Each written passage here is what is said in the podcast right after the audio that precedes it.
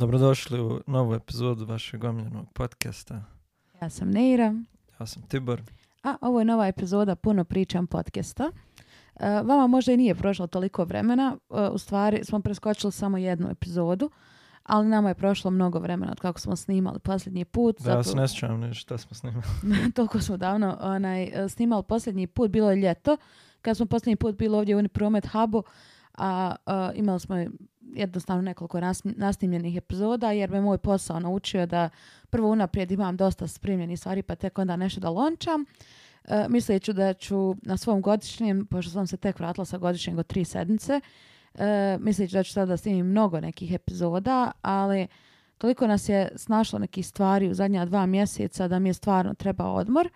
Tako da smo preskočili e, jednu sedmicu, ali evo, tu smo vraćamo se, imao nekih planova za goste, e, tako da Tibor neće biti jedini gost ovdje. E, imamo neke planove za nove e, teme i ja sam nešto razmišljala da možda do kraja ove sezone podcasta, prve sezone podcasta, objavljujemo jednom sedmično, ne jednom u dvije sedmice, zato što stvarno vi ste to dosta tražili, e, jako je dobar odziv bio, mnogo komentara, mnogo pregleda, e, stvarno pozitivnih nekih recenzija. Tako da ja sam odlučila da ove epizode sada što snimimo do kraja ove prve sezone, objavimo svake sedmice i onda ćemo da napravimo pauzu jel, do sezone broj dva puno pričam podcasta. I šta nam se sve izdešavalo? Pa septembar i oktobar su bili onako puno i lijepih i ružnih nekih stvari. E, mislim, ono što smo rekli kao life update je to da si ti diplomirao, ali e, par dana poslije je da bio rođendan. Isti taj dan e, Arju, Ariju, znači sestrenog prije našeg poročnog psa su morali da uspavaju, tako da je, ne moram ne pričati kakav je to roller coaster emocija bio. E, poslije toga sam imala svoj najveći projekat e, na poslu koji sam ikada radila, to je team building i zaista je bio veoma kompleksan, veoma težak projekat koji je na kraju ispao fenomenalno, isplatilo, isplatio sav trud, ali na mene i fizički i psihički, ono, baš, baš mi je bilo najizazovnije bilo što do sada u, u karijeri mojoj što smo radili. Čim je prošao team building, za tri dana smo odšla djevojačko, pošto se moja najbolja mi se sad se već udala, tad se udavala, ja sam kuma bila, tako da smo otišli na djevojačku u Beč i bilo je zaista predivno, neki pet dana, ono, zaista jedno od ljepših putovanja u mom životu. Onda oktobar, e, bila nam je godišnjica braka, oficijalno smo pet godina u braku. E, da li smo ikako proslavili? Mm, nekog se sjećam. Ne. mislim, skoro pa smo zaboravili. Bili smo kod prijatelja na druženju i ono, sjetili smo se te kasnije da nam je onaj taj dan godišnjica. fazon da smo proslavili, ali se ne mm. e, onda poslije toga e, je bila ta svadba, e, kao što rekao sad sam oficijalno i kuma, nešto što sam jako dugo čekala da postanem. E, svadba je bila fenomenalna u Dubrovniku, daleko najljepša svadba na kojoj sam ikad bila i vjerojatno na kojoj ću ikada biti. Znači ta svadba pa 20 mjesta prazno bilo je naravno izazovno sve organizovati u drugom gradu, u drugoj državi, um, ali je ispalo sve daleko bolje nego što smo mislili. Sad još čekamo fotografije pa da sve to zaokružimo. Čak ja mislim da je Tibor znate da Tibor nije od druženja i svadbi, ali mislim da je čak Tibor uživao. Pa morao sam se družiti bilo je okej. Bilo je okej, samo okej. Uh, meni nije tako rekao, meni je rekao da je bilo predobro. Pa dobro, bilo je I uh, poslije toga smo odmah dan poslije svadbe otišli u Rim, letali smo iz Dubrovnika i to povlači temu današnjeg podcasta, to je putovanja koja sam promijenila život. Također ja sam vam postavila pitalcu jer bilo je planirano da ovo bude Q&A s Tiborom, da pričamo na teme koje vas zanimaju, međutim već sam pisala na storiju da 90% pitanja je bilo uh, ko se prvi izvine kad se posvađate, e, kako, ko, inicira svađe, ko inicira pomirenja, zbog čega se najviše svađate, zbog čega se ne svađate. I generalno... Pa to ljude najviše zanima. Da, ali to nije nešto čemu sam ja htjela da pričam kada sam htjela da razgovaram o braku. Smatram da je brak daleko više od svađe, daleko više od konflikta i razrešenja konflikta, Naravno da je to sve sastavni dio braka i bračnog života i mislim života generalno, ali ja nisam htjela da e, na to stavljam naglasak, a htjela sam baš da odgovaramo Znači nije uopšte bila pitalca samo o braku, nego bilo šta. Znači meni i Tibora možete pitati na sve moguće teme da pričamo. Sve se nekako svelo na svađe, na, e, na taj... Ne, žao mi je što, što je ljudima to prva asocijacija na brak. Ta, to rivalstvo. E, muž protiv žene, žena protiv muža, meni to stvarno nije brak e, i, i, nije nešto o čem bi pričala jer mi se stvarno i ne svađamo toliko, naravno da se ne slažemo u svemu i naravno da imamo različita mišljenja, naravno da imamo rasprave, ali ono što ljudi smatraju svađom neka vriska, deranje, bacanje, ja ne smatram da je to normalno da dvije odrasle osobe toliko ne znaju da se iskontrolišu da vrište jedno na drugo. Tako da e, zaista nije nešto o čemu htjela da pričam, nešto o čemu imamo iskustva, uopšte i nešto o čemu razmišljamo. Tako da smo mi odlučili da smislimo ovu temu putovanja koja sam promijenila život, da prođemo kroz sva neka putovanja koja su nama bila značajna i e, zato što mi veoma često kažemo koliko su nas putovanja oblikovala kao osobe i sada želim malo više da popričam na tu temu. Kako, kako su nam proširile vidike, zašto, šta smo naučili na kojim. To može biti od trivialnih stvari kao što je hrana pa do nekih zaista stvari koje su nam promijenile život. Tako da, to, prvo pitanje je Tibore, koje je putovanje tebi najviše promijenilo život? Najviše? Pa ne znam, teško mi izdvojiti jedno koje mi je najviše promijenilo. Znači, mogu nabrojati nekoliko, to su zin znašiti. Da ja to, znam, ali ovo sad snimamo za ljude koji ne znaju. To je Tajland, Turska i New York. A koje ti je najviše promijenilo razmišljanje, a koje ti je najviše promijenilo onako svakodnevni život? Pa ne znam, sad da mi je jedno putovanje baš promijenilo svakodnevni život. Pa da mislim, na primjer, na hranu. Šta jediš, kako to smatram pod svakodnevni život. Bože, ja pa- tačno znam koje nam je putovanje nekako ishranu najviše promijenilo. Pa ishranu nam je Tajland promijenio, to je sigurno. A vidiš, ja bih rekla Turska. Ja bih rekla Turska. Pa nije Turska, ono, Turska ima pravo sličnu hranu ko naš. Da, sam, ja, dosta više počela meso da jedim, a mhm. manje pastu, što mhm. nije bilo slučaj do tada. A tebi Tajland?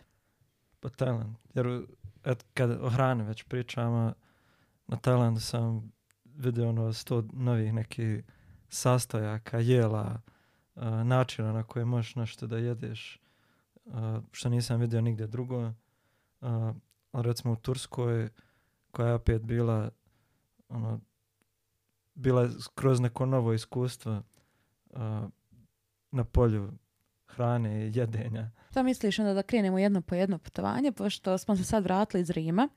A Rim je bio naše prvo zajedničko putovanje i da ne kažem posljednje, ona, posljednje do sada zajedničko putovanje i nekako sve što drugo što smo putovali, bili smo između, bili smo sličnijeg mentaliteta, a između Rima nam je najveći bio um, bila rupa vremenska, jer prvi put smo očeli 2017. godine i sad 2023. Što nekome možda nije tolika razlika, ali mislim da je mentalno i, što se tiče zrelosti, što se tiče naše životne situacije, putovanje na istu lokaciju sa najvećom nekom razlikom. Sad sam sjetio, kad već pitaš uh, koje putovanje najviše promijenila ono, svakodnevno neko razmišljanje. Uh, ne mogu izdvojiti ni jedno konkretno putovanje, osim možda oni prvih na kojima sam ikad bio na nekim daljim destinacijama koji su mi zapravo pokazale značaj putovanja jer ti ako ne ideš nikako na putovanje ako nisi imao priliku da igdje ideš ono, dalje od svoje kuće nećeš možda shvatat koliko će ti uh, odlazak na neka mjesta pokazati koliko zapravo propuštaš u životu i onda možda neš razmišljati na taj način da, da će ti samo odlazak na neko mjesto, da će te naučiti puno nekih stvari, nego ćeš ono razmišljati kao, ok, vidio sam to na tv ona ne mora ići u Grčku, znam kako izgleda Grčka. Onaj, tako da dosta mi je promijenilo sama ta činjenica što sam otišao na neko putovanje mi je promijenilo mišljenje o značaju putovanja i utjecaju na razmišljanje. A što misliš, da li, se, da svima putovanje promijeni život? Jer ja znam dosta ljudi koji su možda i više od nas putovali, a i dalje sve gledaju kroz tu neku svoju prizmu i nekako kao da nisu shvatili jeli, ni različitost u hrani, ni različitost u, onaj, u kulturama koji možda ne dolaze u dodir sa ljudima, ne idu u tradicionalnu hranu nego odu da se, ne znam, uslikaju na turistička mjesta, jedu u turističkim restoranima. Tako da, da, što smatraš, koja je razlika između putovanja koje će zaista utjecati na život gdje še što naučite i putovanja koje samo... Mislim da je najviše tu do tebe i do načina na koji ti gledaš na to putovanje, na to mjesto na koje si otišla. I, uh, ja mislim, nas dvoje smo vidjeli i upoznali ljude koji odu negdje i ne vide ništa. Ili vide kroz neki svoj filter, samo gledaju na lokacije kao mjesta na kojima će se uslikat. Ne stavljaju kontekst šire slike i svijeta. Jest, i... To smo viđali, ali sad ne, ne znam kako putovanja doprinose razmišljanju tih ljudi, to ne mogu reći. Pa eto, da se vratimo na Rim, naše prvo zajedničko putovanje. Mislim, meni je to prije svega bilo divno putovanje jer je to prvi put da smo očili negdje zajedno. Neću ulaz sad u razlike što smo tad išli ono, na studentsko putovanje autobusom, skroz je drugačiji setting bio, ali me zanima, pošto e, ja sam već prije toga bila u Rimu, tebi je to prvi put bio da su u Rimu stvari, dobro ti je zatad bio u Beču, u Budimpešti, ali je to nekako prva metropola osim jel tako biječe podpišete centralne Europe da se vidio, pa me zanima kako je na tebe to tada pa, utjecalo. Rim je dobar primjer, jer je, kao što se rekla, Rim je jedna od prvih lokacija na koje sam otišao van Bosne, van Balkana i moj prvi dodir sa nekim velikim evropskim gradom. A ovdje u Bosni smo svi odrasli s nekim shvatanjem da sve što je vani, što je u Europi, da je to na višem nivou nego kod nas. Sve što ne valja kod nas, to je dobro ili popravljeno u evropskim državama i to je bio, mislim, u dobroj mjeri to jeste tačno, ali recimo ja sam s tim odgojem zamišljao sve velike evropske gradove kao savršeno čista mjesta gdje je sva infrastruktura savršeno nova, lijepo napravljena, gdje nema prljavštine, nema nereda, nema sumnjivih čudnih ljudi i tako dalje, gdje se osjećaš savršeno sigurno, sve su cijene skupe, odnosno visoke i tako dalje. I taj moj odlazak u Rim, prvi, to mi je jel, prvo veće putovanje van Balkana. Ono što je mene u Rimu dočekalo je suprotno od onoga što sam zamišljao da je evropski grad. Znači to je, Rim je kao i većina drugih gradova u zapadnoj Europi, ne mogu reći divlji, ali je ogroman grad kojeg ne možeš samo tako ono, ukrotiti da ti je čitav grad savršen, da nema nekih čoškova gdje ono ne bi voljela da zalaziš, gdje nema grafita po zidovima. To je, to je nemoguće postići u velikom gradu ko što je Rijem i Pariz bilo koji drugi. ne možeš postići da nema gužve u saobraćaju, da se ti da ti ljudi staju na pješački kad kreneš, a to je ono što sam očekivao i to je nešto što sam vidio samo na jednom mjestu na planeti cijelo, a to je tamo manji gradovi u Švedskoj ko što je, ne znam, Malme i Lanskrona. Lanskrona, da a tako kao Malma i Lanskrona, tako sam zamišljao svaki grad u Europi. Al Rim je prvi grad koji mi je pokazao da to nije tako. I onda a, svaki naredni u kojem smo bili. Da, i, on, i to mi je pokazalo da ono, Balkan nije nešto puno drugačiji od ostatka Europe, da, da je samo država uređenja i to je to. Um, naprimjer, to je prozrokovalo da mi je Rim prvi put nakon što sam ga posjetio ostao u pravo ružnom sjećanju. Uh, odnosno imao sam loš dojam jer sam zamišljao da je svaki evropski grad lijep, savršen i uredan, a pomislio sam da je samo Rim prljav, pun smeća, pun grafita i tako dalje. I otišao sam iz tog grada, bez obzira na sve ono prelijepe zgrade koje sam tamo vidio. Uh, I i količinu istorije koju sam tu i naučio i a, vidio. Opet sam otišao iz grada e, sa dojmom da je ono, prevelik, prenagužvan, prljav, pun smeća i tako dalje. I onda kroz život smo posjetili još puno evropskih gradova gdje sam a, vidio da je to samo odlika jednog velikog grada, da ono koliko god da je država ili sredina uređena i razvijena da je nemoguće ukrotiti grad od toliko miliona stanovnika i da će uvijek imat takve čoškove gdje ono, koji nisu naoče baš lijepe. evo sad, neki dan su se vratili opet u Rim i tu sam ga vidio kroz nove neke oči a, i odševio se koliko je zapravo prelijep grad i koliko je čist i koliko su ljudi u njemu ono na ulici kad hodaš ljudi su tako pristojni i tako se lijepo čovjek osjeća sigurno za razliku od recimo Pariza gdje ono Nisam radije mhm. se taksijem vozio nego je hodio pješke. Ali to. Ali I to je savršen... Posljednji put u Parizu smo se puno bolje i sigurnije put pa prije toga jer nismo koristili javni prijevoz, jest. tako da i to opet. Jeste, ovo je savršen pokazatelj koliko zapravo čovjek nauči samo odlaskom na različita mjesta i koliko mi sve mjesta koja ne vidimo uživo zamišljamo kroz neki naš ono uh, malo uži kako bi kažem pogled na svijet da, pogled na svijet i koliko svi nesvjesno filtriramo informacije koje dolaze do nas. A, mene zanima, prije što prijeđemo na ostale lokacije, koliko su ti putovanja promijenila pogled na mjesto gdje živiš, na Sarajevo, na Bosnu, što pozitivno, što negativno? U velikoj mjeri. sad opet nadovezuje na sve ovo što sam rekao, a to je da sam koji dosta ljudi na Balkanu razmišljao koliko smo mi nazadni, koliko je Balkan ono raspad sistema,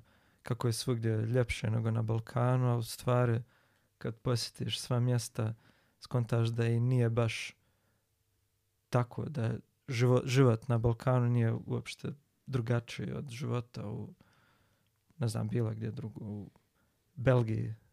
E, da se manje više sve svadi. na isto, možda su razlike ono uređenoj državi, e, očigledne. Jel? Da. rad, zdravstvo, Jeste, ali manje više Se, svede na isto što se tiče mentaliteta ljudi. Ne mislim sada, nakon što sam posjetio sva mjesta koja sam posjetio i upoznao ljude e, svana, e, da su na Balkanu išta na zadnji ljudi, da je išta na zadnji mentalitet, nego sam vidio da je ono... Drugačiji sam. Pa nije ni drugačiji. Možda imamo mi svoju unikatnu kulturu, i to je to. Samo je malo, ima neki svoj twist. Nije drugačiji odnos to. možda na Italiju, Španiju, Grčku, ali jeste u odnosu na Švedsku, na primjer, drugačiji. Ali opet to subtilne razlike. Razlika je možda u toj nekoj hladnoći, ali ne u pogledu na svijet. Tako Znam da... možda i od osobe i generalno. Da. Mislim... Ali mogu reći da sam naučio da Balkan nije tolika rupčaga kao ona što sam mislila da jeste i da je zapravo cijela planeta jedna velika rupčega. A meni je, na primjer, promijenilo, eh, bukvalno mi je pokazalo da je suprotno od ono kako nas odgajaju za mišljenje o, o, Balkanu. Znači, ja mogu pričati konkretno o Sarajevu. Mislim da Zagreb i Beograd sigurno imaju više sadržaja od Sarajeva, možda neki manji gradovi imaju manje sadržaja od Sarajeva, ali eh, uvijek smo nekako odrastali da je vani E, ne znam, bolji, bolji prijevoz, e, čišće sve, to što ti govorio, sigurnije, apsolutno nije. Znači ja se, ok, što živim u Sarajevu, ali opet se ti daleko sigurnije osjećaš u Sarajevu nego u Parizu ili u Njujorku. Um, prijevoz, ok, možda nam nije najbolji na svijetu, ali sigurno je bolji nego u nekim drugim gradovima.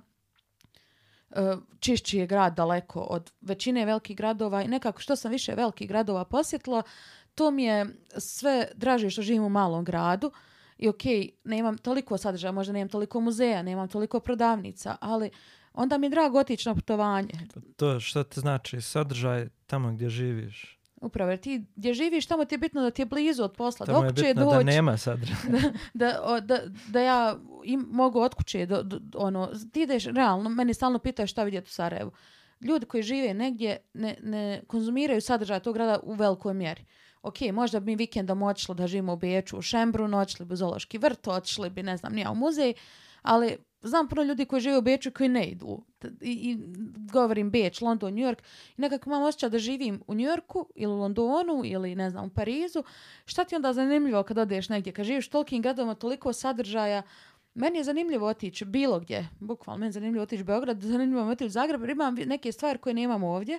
A ovdje mi je za svakodnevni život blizu da bitno da mi je blizu posao i kuća, da ja ne gubim tri sata dnevno u prevozu, bitno mi je da imam neke osnovne stvari da kupim, hvala Bog pa nemam nešto više da kupim, znači svakako mene samo od bankrata spašava što ovdje nemam Amazon, Primark, H&M i da ne pričam ovim skupnim prodavnicama. Tako da, zaista me naučilo to suprotno od, to, od toga što inače ljudi misle da ovdje ništa nema. A s druge strane me naučilo ono što ljudi hvale Bosnu i Sarajevo, kako imamo Nigdje nema hrane kao u Sarajevu, nigdje nema kulture kao u Sarajevu, nigdje nema prirode kao u Bosni i Hercegovini. Naučilo me da ima. Znači da smo mi ono jedan, jedna blijeda sjena Istambula, na primjer. To da nemamo skoro ništa što je toliko unikatno. Da, i ne pričam samo o Bosni. ako neko misli da... ima, onda nije dovoljno vidio svijet. Da ne pričam samo o Bosni, pričam o čitavom Balkanu, da smo mi pokupili u stvari od svih okupatora koje smo imali ne, ponešto i mi gdje da. god da odemo u Austriju, u Tursku, ne znam nija, mi vidimo tu hranu koja, čak i u Grčku kad odeš ti vidiš hranu koju jedeš svakodnevno. A i ono što imamo, mislim imamo sigurno unikatnih stvari za Balkan, opet to neka nijansa i svaka druga regija na planeti ima nešto svoje što je unikatno, tako da ni nismo nešto posebno. Da, i ovo što kažu, samo kod nas ima meraka, samo kod nas ima Čeifa. Znači, 90% lokacija gdje sam ja bila ima meraka, ima Čeifa. Da vidite u Atini ljudi u restoranu, ja sam sjedla na ručku, znači oni se zabavljaju na ručku, pričaju glasno.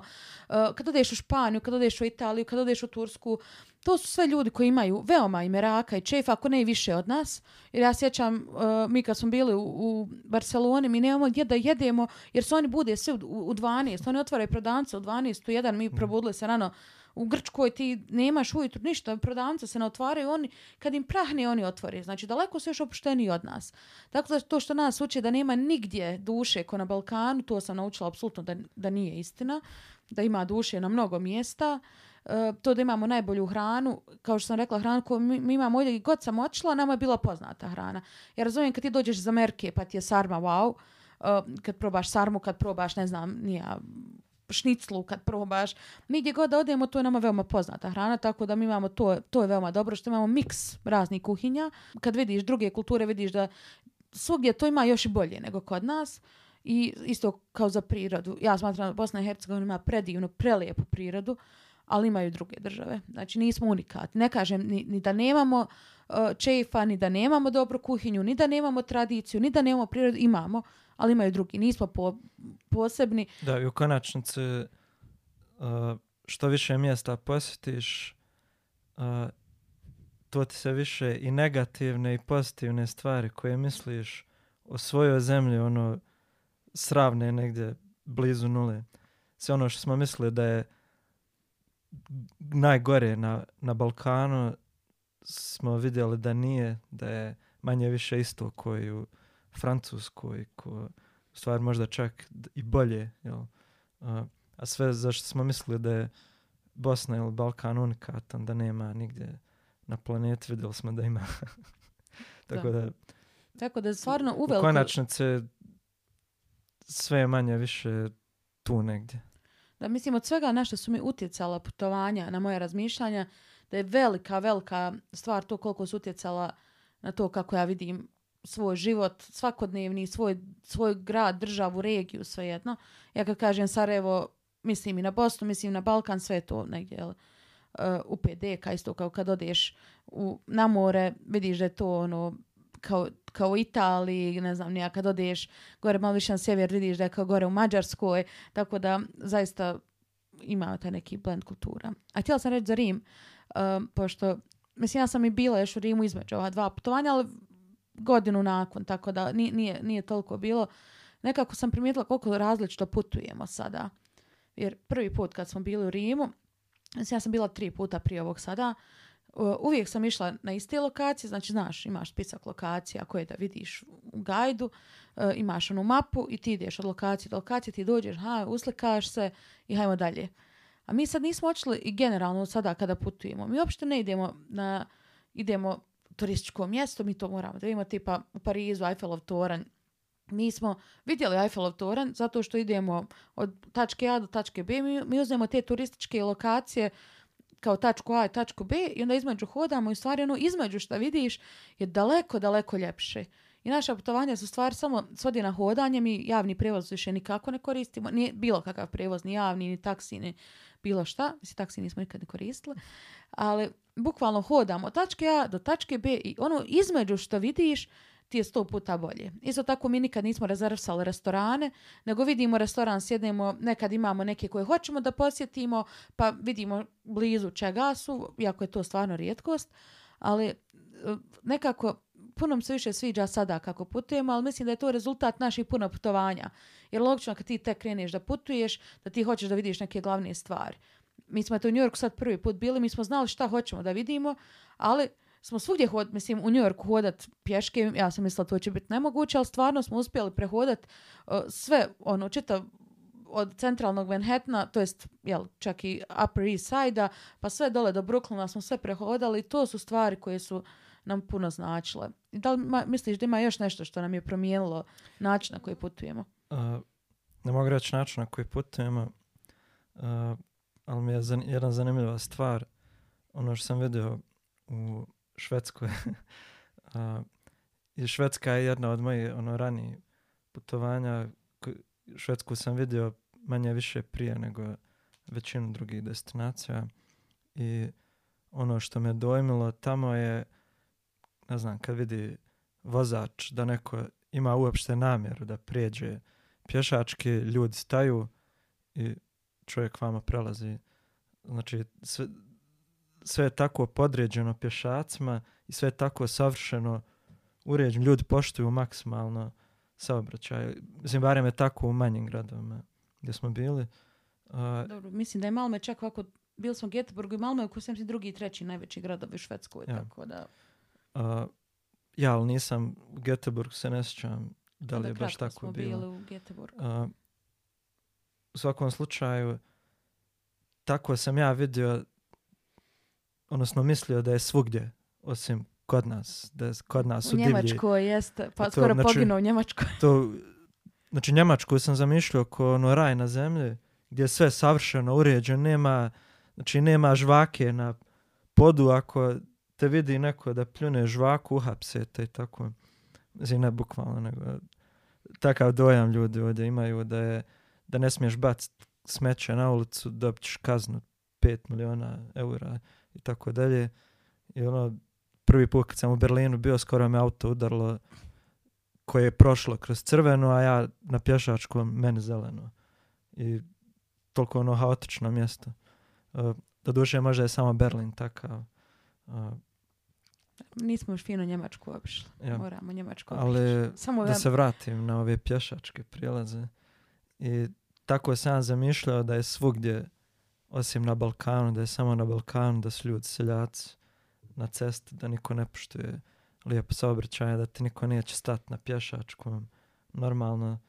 Uh, onda sam krenuo još više da se trudim ja kad vozim auto, kad tako vidim, da neko uopće ima namjeru da prijeđe. Znači nije još došao do pješačkog, ali kad vidim da ide prema pješačkom, ja stajem jer želim da to vidim kod nas, to što sam vidio u Švedskoj, što sam mislio da je standard u Europi cijeloj, u cijelom tom razvijenom dijelu svijeta.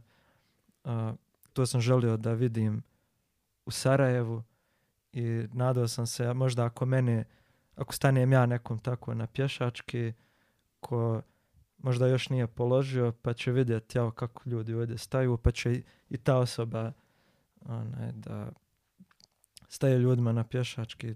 Možda uspijem ja kao jedan mali čimbenik tu da promijenim bare malo. Ja Jesi uspio? Pa sumnjam, jer sam previše nebitan. Ali nakon toga sam otišao na puno gradova u Europi i vidio da, da je to tako samo u Švedskoj. Znači, gdje god smo drugdje, gdje god smo drugo otišli, saobraćaj je ili kao kod nas u Sarajevu ili još gori. Uh, ne znam, u Italiji, znači nikad niko neće stati na Znači moram, kad mi je zeleno, moram pazit, hoće li me udariti auto. E, I ne samo u Italiji, to smo vidjeli u Parizu, u svakom velikom gradu. I u stvari to je samo odluka velikog grada. I nema veze koliko je razvijena ta sredina. Da, sjećam se u Njorku, pošto došla sam negdje novo, ja inače uvijek nikad ne prelazim pješački na crveno, uvijek pazim ali onda vidiš u drugim gradovima ti stojiš, samo ljudi krenu da prelaze. A da. ja sjećam uvijek je bilo, ja sam sad u velikom gradu u Europi, ako pređem na crveno, dobit ću kaznu. Samo vidiš svi prelaze, to znači niko ne poštuje ništa nigdje. I sjećam se u Njorku, sad je Amerika, sad je skroz nešto drugo, ne znam. Znači još gore, bukvalno ljudi da. na sve strane prelaze. Da, ali, ali kod njih je isto vjerovatno različito, zavisno gdje. Pa sigurno. recimo u Minneapolisu uh, to je Minneapolis je Švedska. pa bukvalno, gore sjever, blizu Kanade, to je bukvalno Skandinavija. Još sam čuo da je puno ljudi iz Skandinavije emigriralo gore. Ono je možda i to neki faktor, ali je tamo pravo bilo slično kao ono što smo u Švedskoj vidjeli u Danskoj, gdje ono sve pod konac, nema packe na cesti, svaki ono komad divčnjaka je savše nema odlomljen komad kamena ili nešto, nema, uh, znači možeš bukvalno sjest na cestu i jest. I to mi je bio prvi dodir sa Amerikom, odnosno sa Sjevernom Amerikom i tako sam nekako zamišljao da je čitava Amerika, ono wow, jesu ova Amerika uređena zemlja. Uh, da sam u New York. Da sam otišao u New York, e, koji je suprotno od svega toga. I, A ja moram samo da kažem, kako ste išao, bio u Švedskoj, da sam ja primijetila da više ljudi u Sarajevu staju na pješačku. Baš puno više se sad to poštuje nego što se prije da. poštovalo. A možda je to samo smjena generacija. Možda. ima... Ne, to je zato što ste i bio u Švedskoj. to je zato što sam ja stao svima koje sam vidio i onda su ljudi to kopirao. Um, a, sada, eto, prošli smo te neke naša rana putovanja zajednička, um, onda se došla, vat, kažem, srednja, srednje, doba, kad smo, zaista smo dosta tad putovali, ne znam, išli smo u Pariz, išli smo u Istanbul, mislim da je tebi Turska dosta, mislim nama je Turska promijenila zaista dosta, um, ja sam već bila pa, nekoliko puta do tada u Turskoj, ti nisi, i sjećam se prvo što si rekao kad si došao u Istanbul da ti ne možeš da vjeruješ koliko je drugačije nego što si zamišljao. Da, to me možda malo sramota priznat, pogotovo javna, ali put u Tursku mi je drastično promijenio mišljenje o samoj Turskoj. E, sad možda je to do mene bilo, možda je malo taj dio svijeta zaobišao moju sferu interesovanja, pa nisam baš bio najupućeniji, ali nisam imao pojma koliko je zapravo, barem Istanbul, jedan evropski grad. Zamišljao sam da ćemo otići u neki bliskoistočni grad gdje ništa neće biti ni približno onako kako je kod nas, da ću vidjeti neko egzotično mjesto, ali me dočekao ono, jedan, dobro, ne mogu reći obični evropski grad. Jedan ali, wow ev, evropski Da, jedan grad. wow evropski grad. I nisam imao pojma da je čitava ta zemlja odnosno ljudi u njoj je toliko orijentisana prema zapadu. Uh, zamišljao sam više neko ne znam šta sam zamišljao. Mislim, A, smo i dalje od ljudi će da ovo, kažem bliskoistočno, da je ono u negativnom smislu, ne.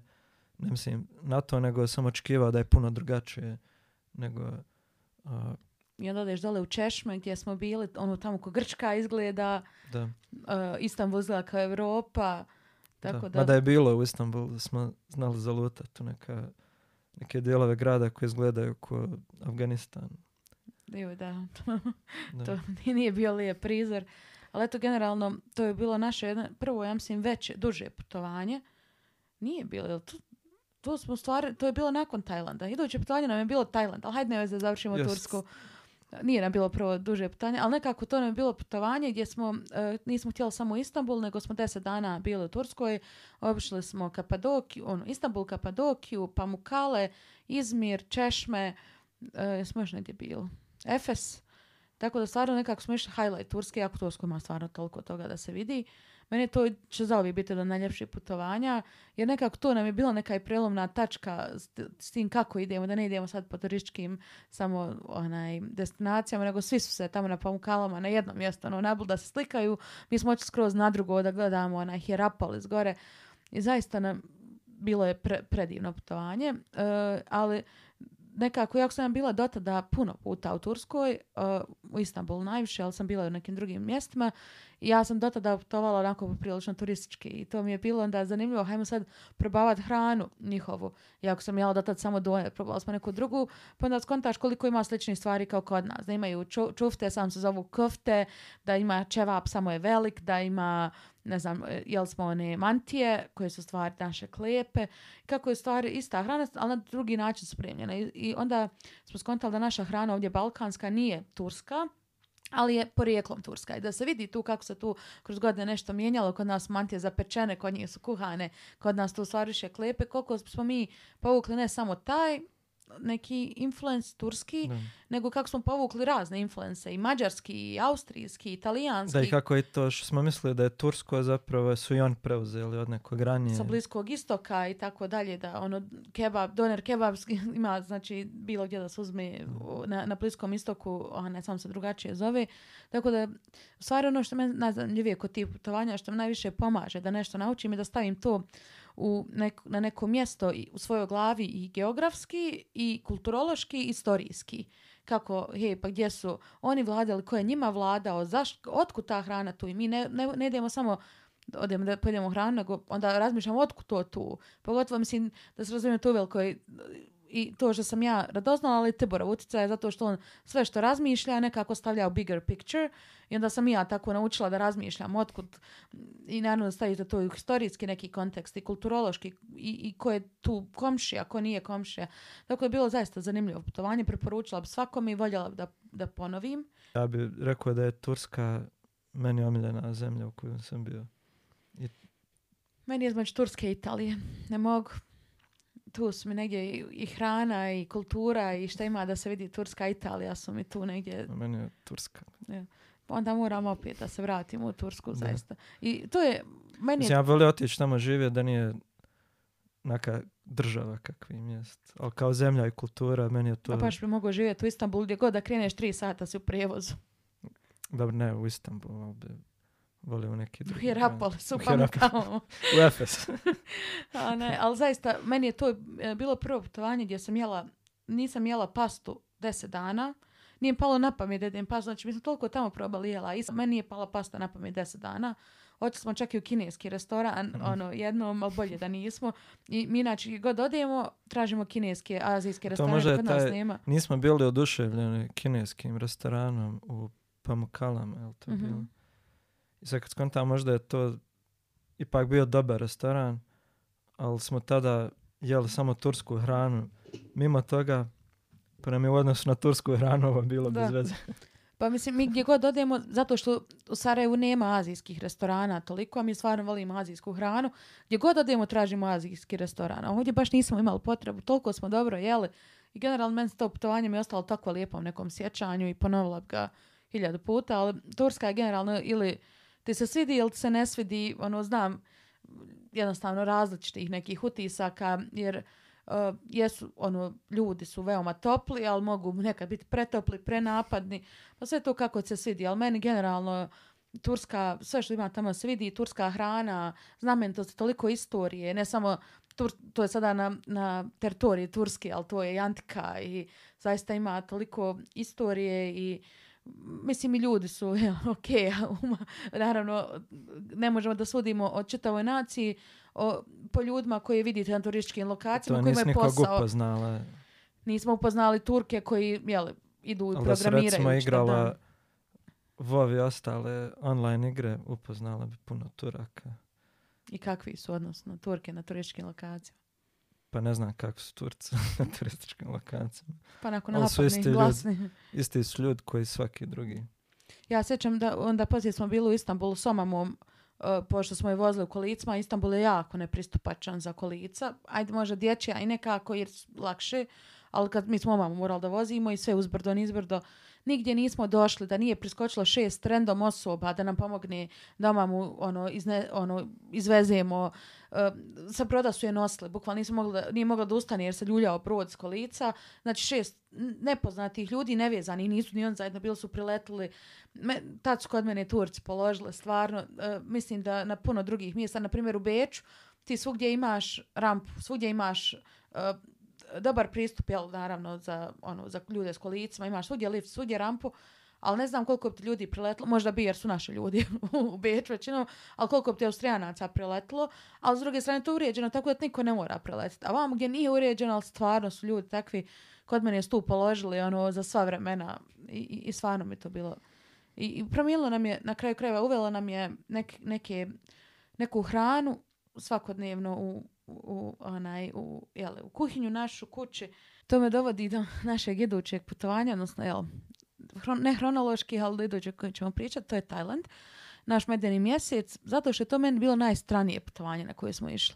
Nekako, ok, išli smo mi u Ameriku, ali u Ameriku, gdje znaš šta te očekuje to Amerika? I poprilično je i bilo slično onome što smo očekivali, možda je malo i nadmašlo očekivanje, doćemo do toga, ali nekako u Americi znaš šta te očekuje, u Europi znaš šta te očekuje ali hajde otići na Tajland koji je nama ono, kad kažeš samo Tajland, to ti je nešto ono, na drugoj planeti. E, mi smo za naš medeni mjesec htjeli stvari da idemo u Kinu, međutim nismo mogli da nađemo povoljne karte, gledali smo i Bali i Tajland je imao najbolje opcije onako financijski da kažem i rekli, svugdje su je pisalo da je najlakši za prvo tako to azijsko putovanje jer je lak za snaći se, poprilično turistički orijentisan, siguran i tako dalje moram da kažem od ove tri lokacije, možda mi se najmanje išlo na Tajland, ali sad mi je najdraže što smo otišli, zato što nisam sad imala tolika neka očekivanja, ali meni je Tajland bilo, ja mislim, putovanje života. I toliko nam je promijenilo pogled na, na, na svijet, meni je bar promijenilo pogled na svijet, je upravo to što kažem, kako sam očekivala nešto skroz drugačije, drugi svijet, mislim ideš halo na Tajland, a onda skontaš da da su i tamo ljudi, da i tamo ima javni prevoz, da su i tamo gradovi, da i tamo... I onda skontaš koliko je u stvari planeta jedno globalno selo, ali s druge strane i skontaš... dobro, mi smo bili samo ono, na mjestima koja su razvijena ili u razvoju, nisu nikad otišla u Ma da, ali opet, Južni Sudan. Eh, je da, tamo žive ljudi. Da isto, ti jednostavno kad zamišljaš nešto toliko strano, toliko drugačije, očekuješ da, su tam, da je tamo sve drugačije. Onda skontaš koliko je je sličnih stvari, ali isto tako bilo je baš puno različitih, različitog mentaliteta. Skontaš koliko je njihov mentalitet nema dodira sa našim, na koliko stvari moraš ono misliti, e, kako je... E, mi i danas prepričavamo neke ono, odande e, razlike i kako stvari, svi smo mi ljudi, svi smo mi isti što toga tiče, ali kolika, kolika je razlika u kulturi, na primjer Tibor sve jede hljeb ne, on ne može ništa da bez hljeba. Na Tajlandu nema hljeba. I jednostavno ne, nema onaj, sjećam se, bilo je da se kupi u jednoj Zato je meni Turska najdraža zemlja. u Turskoj svugdje je dobio hljeb, gdje god je sjeo. Znači, na Tajlandu ima hljeb e, da se kupi prodavnicu koji nema kor. Znači, samo sredina. Uh, naručio je jedan lik omlet, došao mu je omlet na riži. Naručiš hljeb, on ti donesu rižu. Um, uglavnom, sve u svemu, sada sad da, ne detaljšemo od Tajlanda imam toliko nekih lekcija, takeaway eh, hrana prije svega što sam spomenuo. Eh, ubacili smo i tom jam, i mango sticky rice, i Pad Thai kao nešto što nam je redovni, da kažem, dio ishrane.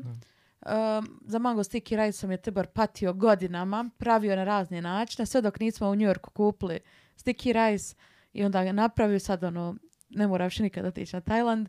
Sad smo našli u Beču sticky rice, tako da smo, do, ok, smo donijeli smo pa taj sos iz New Yorka. U stvari mi smo više iz New Yorka donijeli tajlandske hrane nego s Tajlandom. Jedino čemu nemamo pristup odavde je mango. Jer ovaj naš mango, mango, mislim naš mango naš ovaj koji, ovaj iz Bosne mango. koji mi importujemo ovdje je neka druga vrsta manga. Ali to sve u svemu, ne znam šta je tebi s Tajlanda ostalo najviše? Pa ne znam, jer sam na Tajlandu Video, tačno ono što sam očekivao da ću vidjeti. Uh, nije me ništa toliko šokiralo. A šta te naučilo?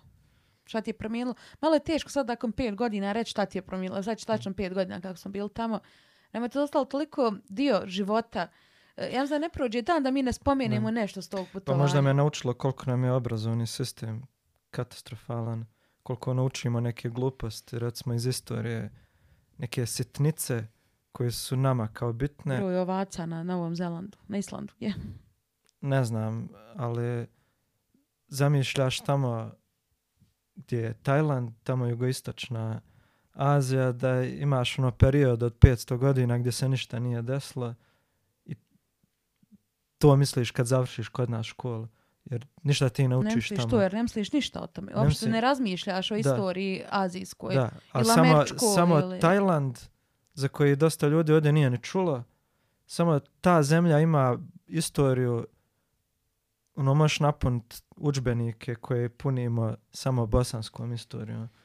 Ono, imaju ne znam koliko hiljada godina pisane istorije.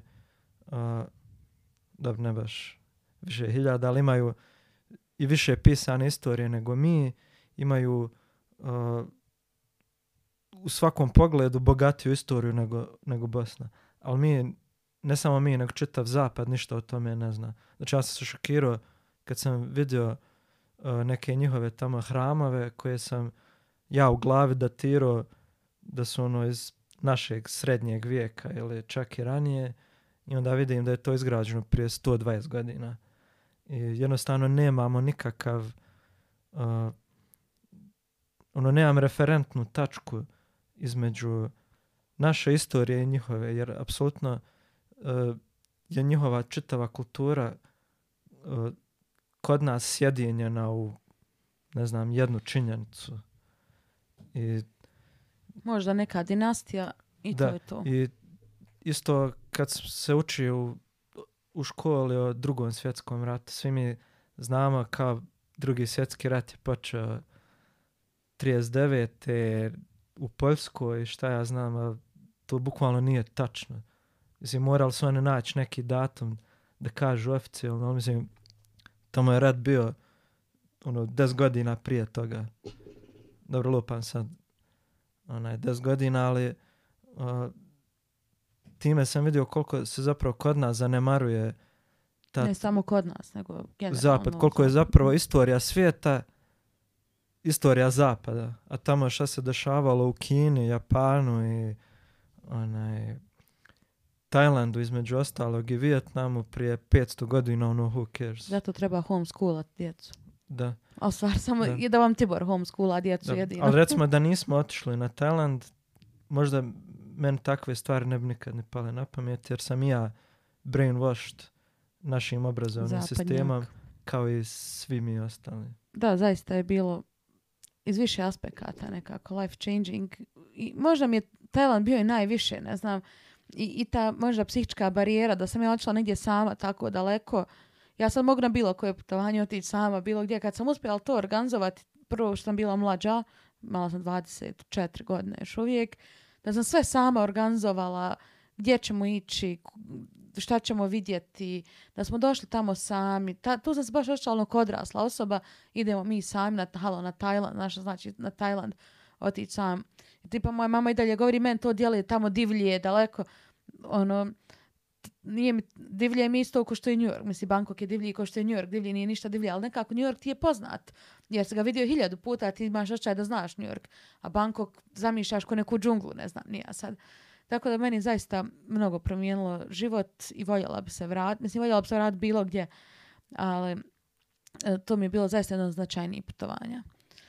Onda smo između imali još nekoliko, mislim nekoliko imali smo dosta ovih europskih putovanja, ali mislim da tu e, imali smo nekoliko ovih europskih putovanja. Dobro, Evropi svaki grad Pa ne, ja se ne bi složila s tim da je svaki grad isti, ali mislim da je naše iskustvo sada postalo slično u različitim gradovima Europe. Ne znam, jedini grad koji sam smatrao da će biti drugačiji od svih evropskih je Istanbul, na kraju i isti. A ja ne mogu reći da su isti i Barcelona i Pariz ili... A dobro, nije bukvalno Rim, isti, ali razdvajaju ih nijanse. Ne znam, odeš u, ne znam, Prag, ono, jedan tipični evropski grad, odeš u Barcelonu, drugi tipični evropski grad koji samo ima neki svoj twist pa penju se ljudi na trafike i i... Pa Tibor ne može da ima Mi smo bili u, u Barceloni, spavali smo u, u La Rambli, u glavnoj toj shopping ulici i bili smo kada, za vrijeme svjetskog prvenstva kada je Maroko pobjedio. Ne znam koga je pobjedio. Ja. Ali mislim, i penjalo se ljudne na prema nama ispod prozora, znači Tibor im to nije oprostio nikako, stalno spominje. Ljudi ja su tamo puno, uh, kako kažem, opušteni, puno uh, opušteni i ima neke, u nekim nijansama se razlikuju od svega ostalog što smo vidjeli u drugim gradovima, ali su opet to samo nijanse na kraju. Uh, gledaš samo varijacije jedne te iste stvari. To je Ali pa tome i New York možeš tvrtati varijaciju evropskog grada. Pa ne možeš, u Europi ne postoji ništa slično. Pa ne mogu... Možda ima u Moskvi i u Istanbulu. Pa ima, mislim London ima veoma sličan, jedan dio New Yorka sličan pa Londonu, London. jedan je sličan Amsterdamu, um, Istanbul ima, mislim, Skyline isto, tako da e, mislim da samo hoću da kažem da je naše iskustvo slično. To je dva, tri dana u nekom gradu, idemo hodat, mm viđat, gledat lijepe stvari, dobro jest. Tako da, mislim, bili smo i u Parizu u dva različita perioda života i mislim, ono, bilo mi je lijepo jedno i drugo, drugi put bi vjerojatno bilo ljepše, bili smo u Disneylandu u različitim periodama života, ne znam, sad koje je u Beču, da ne pričam, u Budimpešti, u Pragu, nismo stvar Pragu nikad bili zajedno, sad idemo u Prag, u, onaj, za novu godinu zajedno ali jednostavno ima puno tih gradova po Europi gdje bilo nam je lijepo, lijepo smo, jel ne, ne mogu da sjetim nekog grada da smo bili u ne znam koliko godina da nam se nije svidjelo. Sva ikad, smo bili na, nekom putovanju da smo rekli ovo je nama bez nije nam se svidjelo. Nama je stvarno na svakom putovanju lijepo, opet kažem, veoma slično ali to slično pozitivno smislu. Jako nam je lijepo, lijepo jedemo, hodamo, družimo se, pričamo, razmišljamo, razgledamo. Tako da zato bi sve, sva ta putovanja da spojim u jedno, jer to su stvari, sve što smo naučili, na svakom putovanju ti nešto naučiš, a ti sad prvi put bio u Španiji, u Barceloni. I opet, vjerojatno, možda nisi imao istu sliku što, što ili si imao, ali se poklopilo nešto si novo doživio i, i vidio i naučio i stekao iskustvo, ali mislim da su to sve iskustva koje možemo jel, izjednačio s ovim što smo već ispričali, šta smo vidjeli i naučili. Međutim, idemo daleko, daleko u Ameriku. Ti si bio bez mene prvi put u Americi. I želim da čujem to iskustvo kad si prvi put očeo u Ameriku, nisi bio sa mnom i kako ti je tad bilo mišljenje o Americi. Jer ne, mislim da nije bilo isto kao sad nakon drugog puta. E, nije jedno mišljenje koje mi je obareno odlaskom samo u Ameriku je da oni imaju lošu hranu i dosta ljudi ovdje, uključujući mene, do, do tog trenutka smatraju da Amerikanci imaju daleko lošu hranu nego mi, da jedu hamburgere i ne znam, pržene stvari i gluposti. Onda kao odeš tamo vidiš koliki je to zapravo miks kultura i da jedu puno svjetske hrane u izvornom obliku. Naprimjer, ja sam mislio da oni jedu puno, ne znam, indijske hrane, ali je to sve amerikanizirano, westernizirano i tako dalje, ali nije uopće tako. mislim, tamo sam ja, ne znam, neku azijsku hranu, istu kao u, ne znam, u, Kataru što smo jeli ili tamo sam jao tajlandsku hranu koja je identična ko na Tajlandu. Nisi nešto lijepo jeo kao u Njorku? Pa nisam, ali to je zato što nisam jeo po turističkim mjestima kao što smo ti ja u Njorku, nego sam više jeo e, gdje ostali ljudi uh, jedu nakon posla ili na pauzi za posao. Sam puno jeo uh, te neke pržene hrane ne znam. Grilled cheese pohovani. Bukvalno grilled cheese with bacon. Eh, i, mislim, meni se smučila ta hrana jer sam je previše jeo onaj, na pauzama za ručak. Ali eh, opet sam imao priliku mimo toga da jedem u talanskom restoranu hranu koja je identična ako na Tajlandu. Nisam dobio neku westerniziranu varijantu toga, nego sam dobio izvorno.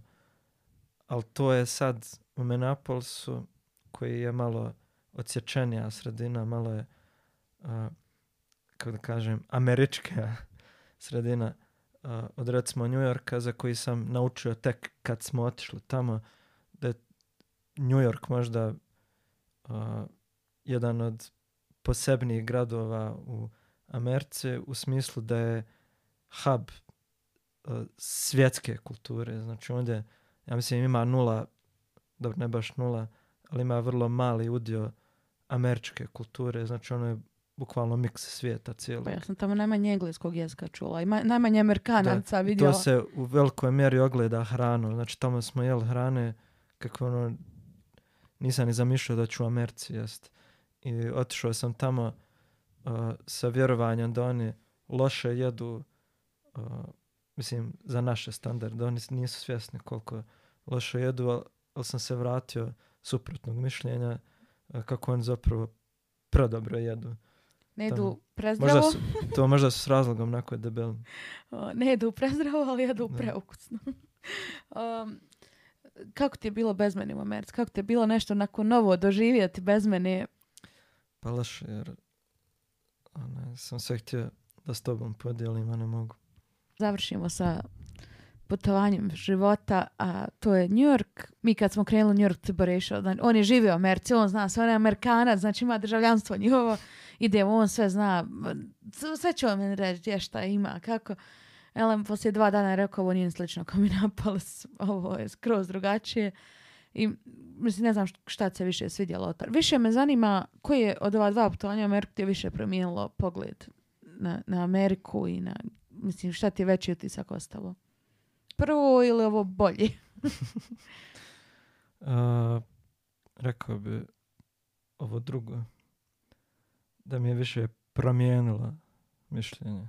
A najviše zbog hrane i zbog uh, različiti kultura koje smo vidjeli, ali pravi kultura, znači pravi ljudi koji nisu Amerikanci jer sam zamišljao nekako Ameriku kao zatvorenu zemlju gdje niko uh, ne zna ni za što drugo osim e, Amerike. Mislim, ne mislim bukvalno sve, nego da imaju tu tendenciju da su uh, neobrazovani ko što onaj, kao što nama serviraju ovdje vide što su neobrazovani. Da. Uh, da, u stvari kad skontaš da nisu ništa manje obrazovani nego mi, da znaju o drugim zemljama svijeta isto koji mi. Pa mislim, možda oni ne znaju gdje je Mađarska većinom, ali ko ovdje zna nabrojat više od pet njihovih država. A, i, njihove države su isto posebne države a ne u tolikoj mjeri, ali, su posebne države kao i kod nas. Garantijem i kod nas da uzmiješ da pitaš, da intervjuješ ljude o bilo čemu i gdje je Mađarska, da ima ljudi koji sigurno ne znaju gdje je Mađarska. Tako da to što kod nas serviraju takvi vide da mi mislimo da su on glupi obrazovan, ima i kod nas isto takvih mislim, da. ljudi. ja sam očekivao da ćemo otići tamo i da ćemo vidjeti isključivo tu zatvorenu američku uh, Jel tako u Minneapolisu bilo? Pa, mislim, pričao sam tamo s jednom curom, uh, upoznavao se, pita me odakle sam, rekao iz Bosne, i smisliti po čem smo mi najposebniji, da mogu tako predstaviti uh, državu i govorim, reko tu je ono trigerovan prvi svjetski rat, a ona bila u smislu, no wow, kao je li sve ok tamo sada? Ono, ne znam, jel ne konta da je to bilo prije sto godina, ali... Jel, pa, Treba znači nije. Ali sad možda sam naletio okay. na neku ono, glupač je mm. jest meni je to bio nekako prvi dodir jel, s i u isto vrijeme sam se osjećala kao da sam tamo već bila i živjela i sve znam i moram da kažem da i se dosta popravilo mišljenje. Ja znam da je New York sigurno poprilično izoliran slučaj i poprilično specifičan grad, ali stvarno sam toliko vidjela ono melting pot kultura i nekako sve što sam vidjela u svim gradovima u Europi, u ne znam, bilo gdje, tamo sve ima na jednom mjestu. Znači, bukvalno ne moraš obići čitavu Europu, nego sve vidiš u Njorku. Mm. E, to mi je bilo nešto mi je zaista promijenilo pogled, putovanje koje mi je promijenilo razmišljanju veliko, jer uh, uče nas čitav život. Uh, e, Europa je super stara, hiljadu stvari ima, se vidi, kultura, istoriju. istorija. Amerika nema ništa, to samo ne boderi. I odeš tamo i vidiš i, i kulturu, To vidiš istoriju. da je to grad koji je star 300-400 godina, nije nešto puno ni mlađi od Sarajeva samog, za koji mi smatramo to je neki drevni grad, nastao prije 500 godina, a New York nastao ok, nije baš prije 500, ali opet nekoliko stotina godina star i ima istorije kao i ostatak uh, njihove zemlje nakon što su naselili to, da ne spominjemo ono ranije. I to mi je još jedna stvar koja mi je promijenila mišljenje baš odlaskom u New York. To je koliko pogrešno zamišljamo njihove gradove kao nešto novo i bez istorije, a nije tako. Znači, sam New York je itekako star grad sa istorijom koja se, ako ništa vidi u arhitekturi, ono vidjet ćeš zgrade koje su stare 300 godina i urađene su u arhitekturalnom stilu od prije 300 godina, od prije 200, 100 i tako dalje. Samo su neke ono, zgrade, dobro, većina ih je iz 40-ih, 50-ih, 60-ih i nadalje, ali nisu sve. Ja, ali nije istorija samo ono što se desilo prije 1000 godina, ali prije, prije 500 godina. Istorija i realno no. E, ti u Evropu možda i ne vidiš toliko neku razliku jer ima dosta starih poprilično građevina ti ne vidiš tu neku modernu istoriju kako se razvijalo jer imaš nekako ili je staro razrušeno ili moderno. Mhm. Tamo tačno vidiš onaj art deco i vidiš napredak nekako arhitekture možda u posljednjih 100 godina, posljednjih 200 godina, ali stvarno vidiš te sve različite arhitekturalne stilove i periode epohe, vidiš inspiraciju dakle su vukli, ostalom ti ne jer kako, mi zamišlj, kako sam ja zamišljala New York, to je samo jedan dio Manhattana, znači New York je puno više od toga, e, u jedan dio kad uđeš je kao da si u Amsterdamu ili u Londonu, skroz drugačije izgleda od onog što smo, što, eto ja prva kako sam zamišljala. Tako da generalno i isto što smo rekli za hranu, mislili smo da je loša, u stvari ja tamo ništa loše nisam probala. Nisam probala ništa da kažem da je američko, jeli smo bliskoistočnu hranu, talijansku hranu, tajlandsku hranu, ono što mi volimo inače da jedemo, ali sve tako onda dobro bilo. da je to zapravo američka hrana. Da, je, melting pot. Da, da mi imamo tako loše mišljenje o njima da su zatvoreni, a u stvari su daleko kulturni od nas. Mi smo ti koji su zatvoreni. Mi imamo šta malo turske kulture, malo vrglave od Mađara što smo malo neke kuhinje. Pofat... Mi nemamo azijski restoran. Ne, nešto, ništa, mi, smo, zatvoreni. Jer kod nas je indijski restoran, meksički restoran, azijski restoran, koliko možete nabrojati? Azijskih, indijskih, meksičkih restorana. A kod njih je sasvim normalno kultur da jedu zato što nemaju svoju dobru hranu. Da kažem nešto njima autohtono, imaju hamburger možda. Dobro, imaju fish and chips. To je englesko. Pa dobro, ali razumijemo. Nešto kažeš baš da američko je hamburger, i nije nešto. Jel? I onda su oni morali da jedu hranu različitih kultura i to je ono što je, mislim, sad njihovo bogatstvo, što oni kažu hoćemo li jest taj, hoćemo li jest, ne znam, eh, indijsku, hoćemo li jest, bilo šta, a imaju ljude koji su došli iz te države autohtoni, prave autohtone recepte i zaista dobru hranu imaju. A kod nas ti ako odeš neki restoran koji ima azijsku hranu, nije ti došao lik s Tajlanda i to da pravi. Tako je, mislim da ono... Da, to smo se baš ogriješili o Amerikance. pa puno stvari smo se ogriješili. Ono što smo mislili ne znam, će biti nekulturni, pošto New su baš poznati po tome nekulturni. Doduše i Parižani su. to je samo glupi stereotip. ja sjećam Pariz kad smo išli, jao, tamo su ljudi bezobrazni, neće pričati ono- engleski. Ne znam, meni, znači u Parizu mi smo stajali, gledali Google mapu, nismo se mogli snaći. Žena nam je prišla na, na, biciklu, ja sam tamo opljačkače me, sišla s bicikla i pitala mogu vam pomoći što se ne bi očekivalo od Pariza. Znači, trude se ljudi rukama i nogama da ti objasne. Naravno, ako si ti neki osiljeni turista, logično će biti bezobrazni prema tebi, ja bi bila. Ali generalno ću u Yorku Tibor, ono, neki lik se obratio, mi sad ono, mi sve u strahu, hoće li nas opljač, kad govori, kaže, odvezana vam je pertla.